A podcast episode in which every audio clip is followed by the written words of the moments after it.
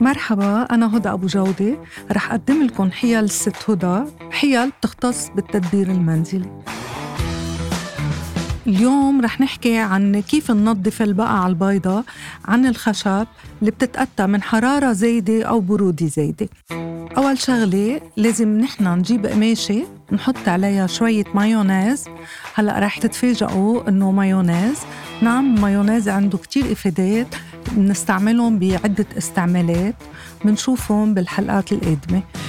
بنحط آه على قماشة ناعمة نتفة مايونيز أو حتى فينا نستعمل معجون الأسنان الأبيض الكريم مش الجل من دون مي منحطهم على قماشة ونفرك البقعة البيضاء اللي موجودة على الخشب حتى لو كانت كتير قديمة.